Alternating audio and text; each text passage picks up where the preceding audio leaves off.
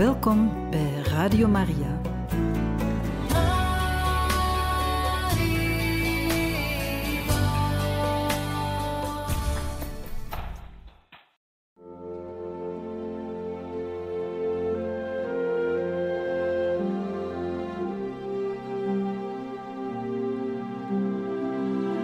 Beste luisteraars van Radio Maria, welkom bij het programma Catechismus. Een overweging bij de geloofschat van de kerk.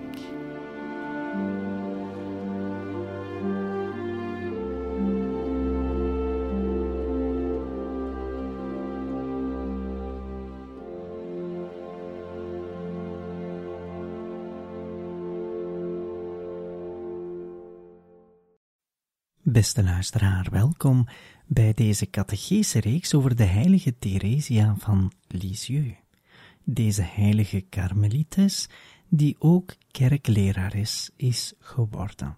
Zij heeft ons iets aan te leren, waardoor wij het evangelie beter kunnen beleven, om dichter bij Jezus te zijn. En dat ontdekken we zelf in het leven van deze kleine heilige, de kleine Theresia. En we zijn aangekomen aan het jaar, het einde van het jaar 1888, begin 1889.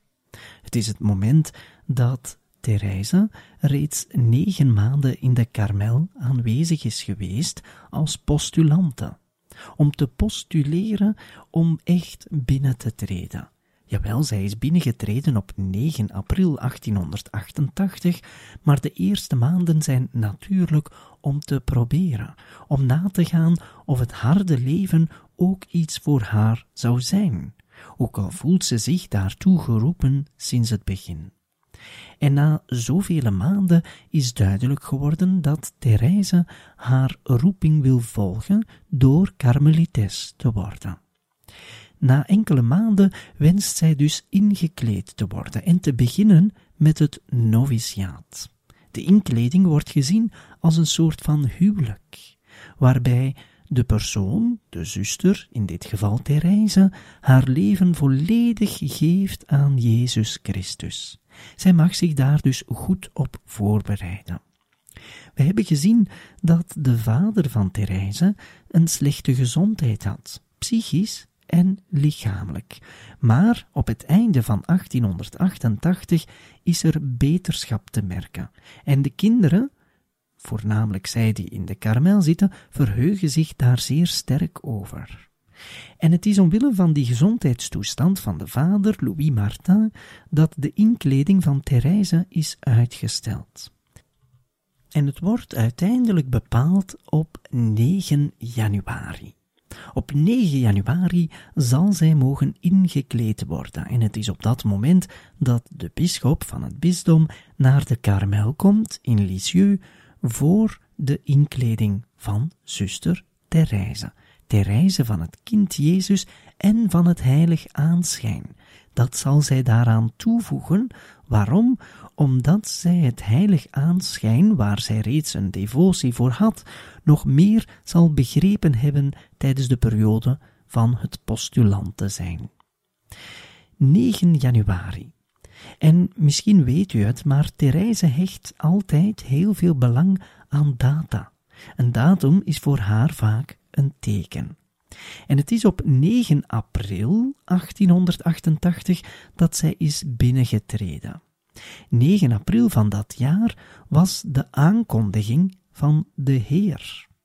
Normaal vieren we dat op 25 maart, negen maanden voor 25 december, kerstmis.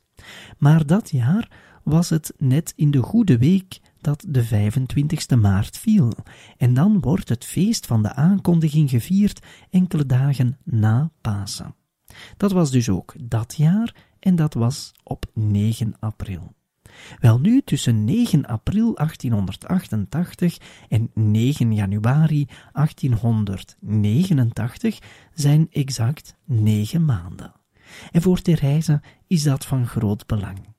Zij is binnengetreden in de Karmel op de dag van de aankondiging En wanneer Jezus geboren wordt, negen maanden later, wel, dan wordt zij ingekleed en mag zij mystiek trouwen met Jezus. Zo ziet zij het en dat is een mooie geestelijke betekenis bij hetgeen dat Therese dat jaar mag beleven. Maar uiteindelijk zal het zelfs niet op 9 januari zijn dat de inkleding plaatsvindt, maar wel op 10 januari, omdat de bisschop verhinderd is. Op 9 januari zal hij zijn vicaris-generaal van het bisdom moeten begraven. En het is dus uiteindelijk op 10 januari dat zij zal ingekleed worden. Maar niets ontneemt aan Therese de betekenis achter die mooie datum.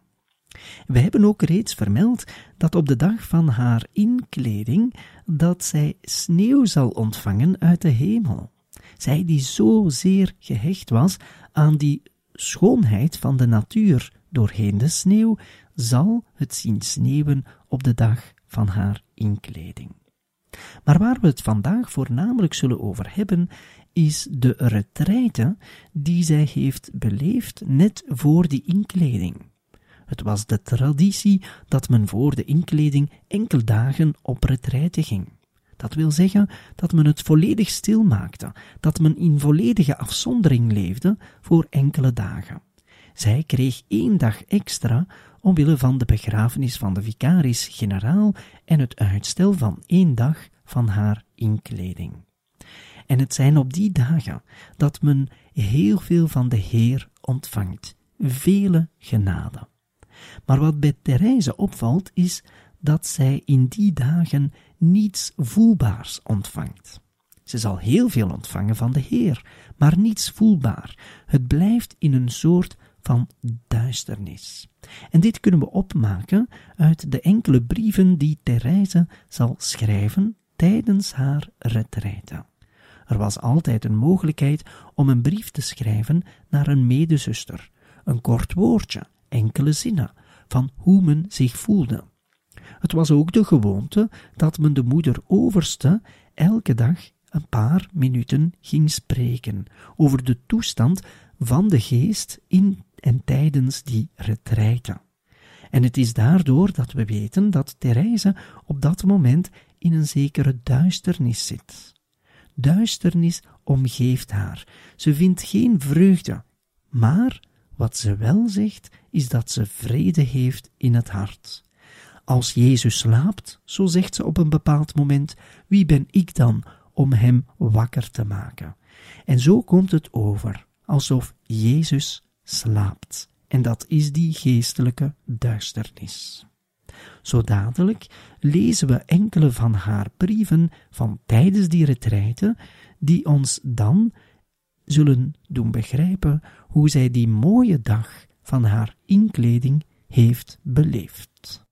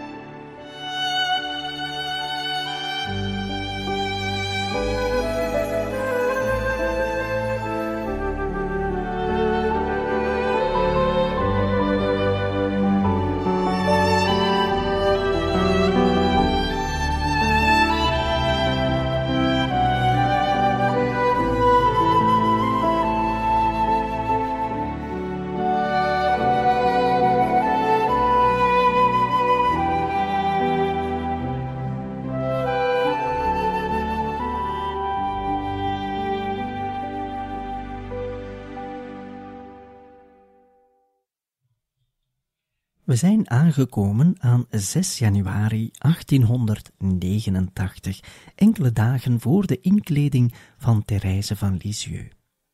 En zij schrijft aan haar zus, zuster Agnes van Jezus, die ze altijd het lam noemt, het lief lam van Jezus. Dat is ook de betekenis van de naam Agnes.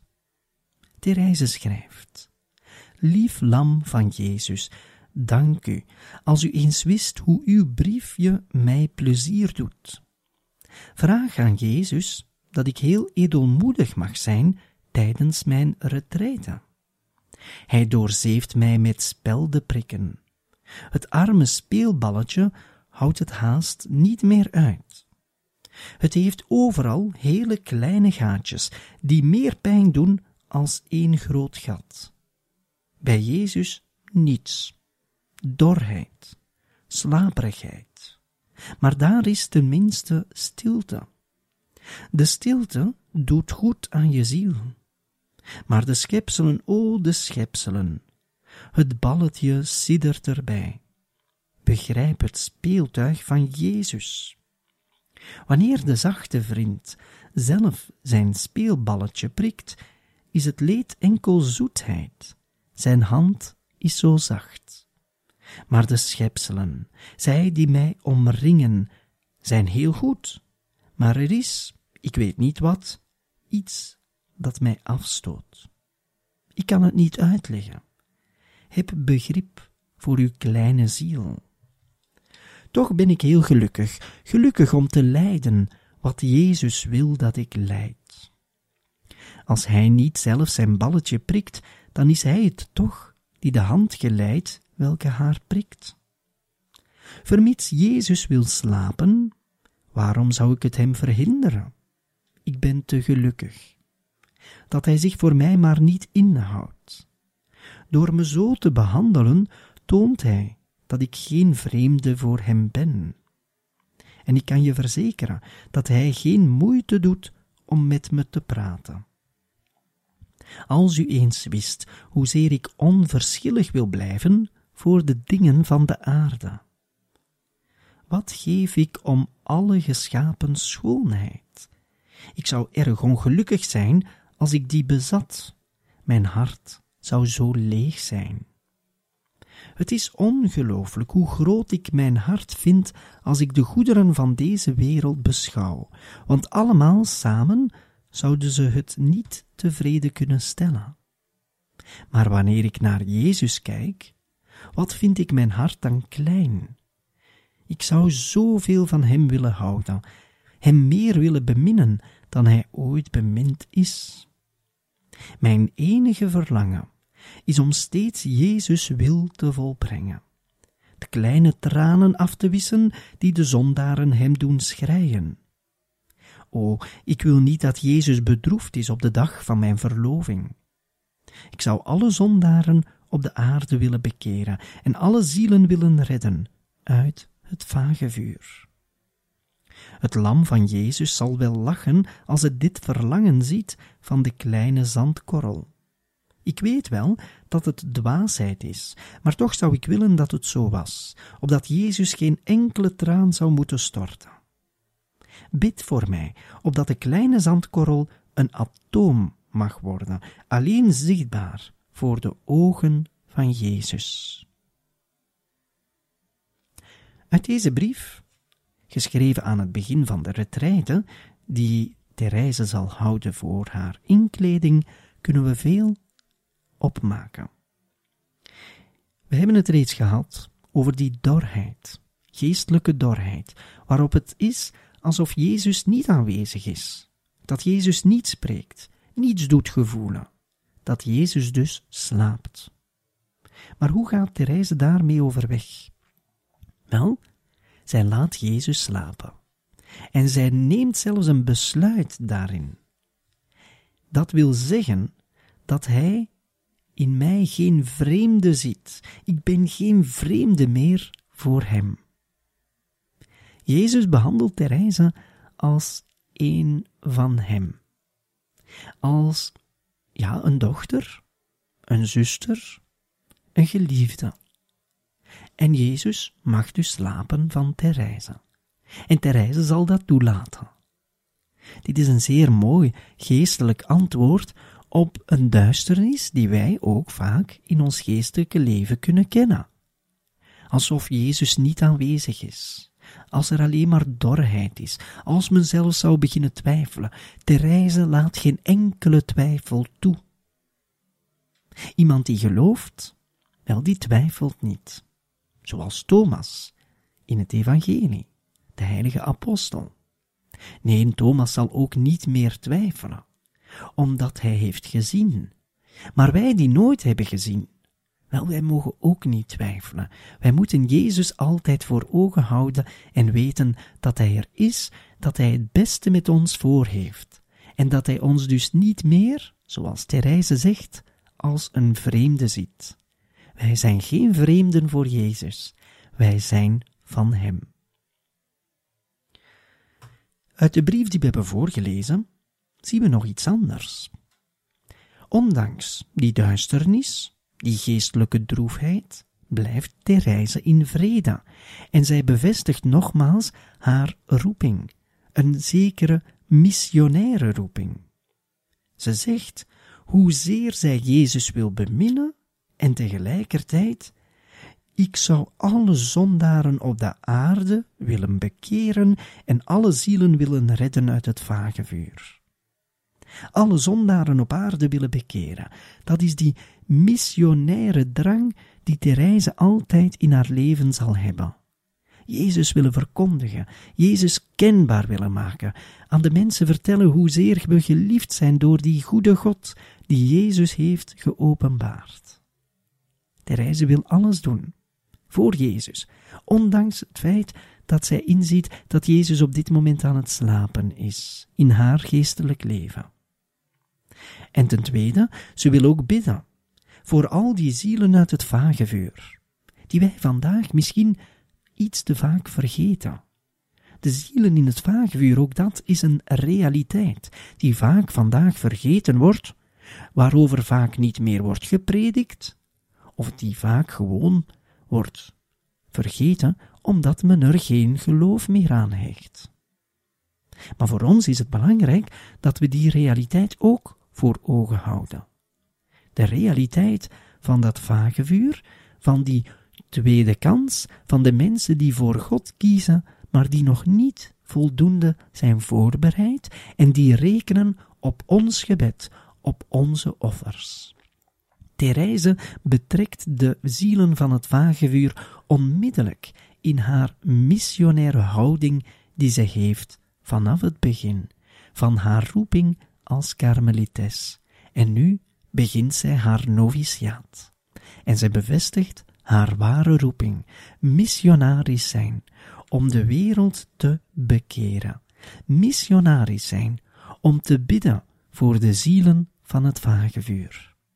Therese ziet alles geestelijk en we hebben nood vandaag, zeker in onze tijd, aan personen die leven zoals de heilige Theresia van Lisieux.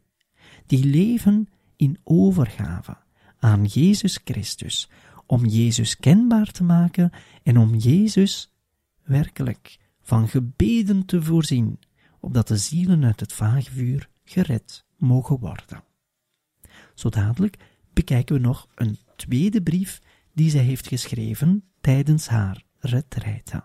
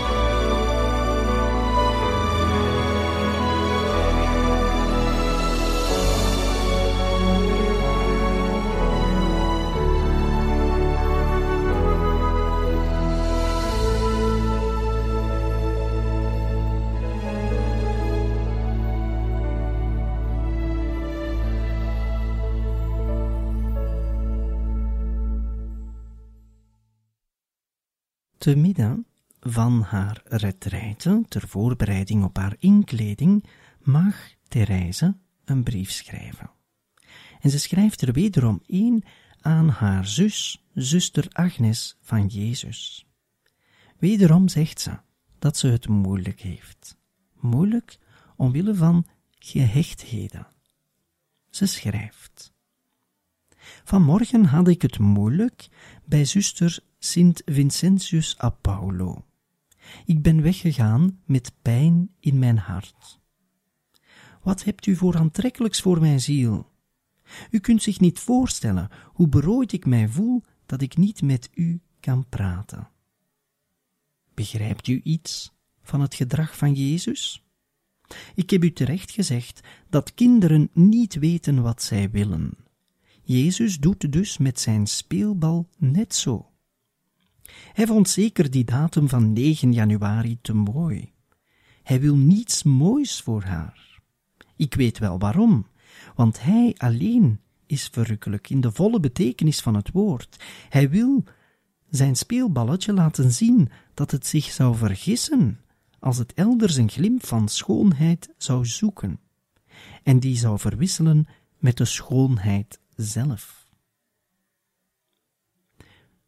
Het is vandaag, op die 7 januari 1889, dat Therese heeft gehoord dat zij niet op de 9e, maar op de 10e januari zal ingekleed worden.